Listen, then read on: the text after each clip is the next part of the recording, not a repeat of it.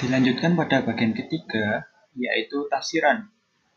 Tafsiran berisi pendapat peneliti mengenai ulasan karya yang dibahas, bisa dari kelebihan maupun kekurangannya, bisa menggambarkan hal-hal yang membuatnya menarik atau hal-hal yang membuatnya merasa membosankan.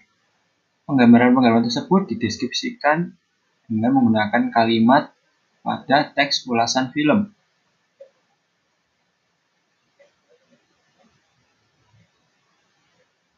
Seperti halnya dicontohkan dari slide tersebut, terdapat dua contoh penulisan tafsiran. Gaya penulisannya berbeda-beda setiap penulis, jadi usahakan memakai bahasa baku agar mudah dipahami.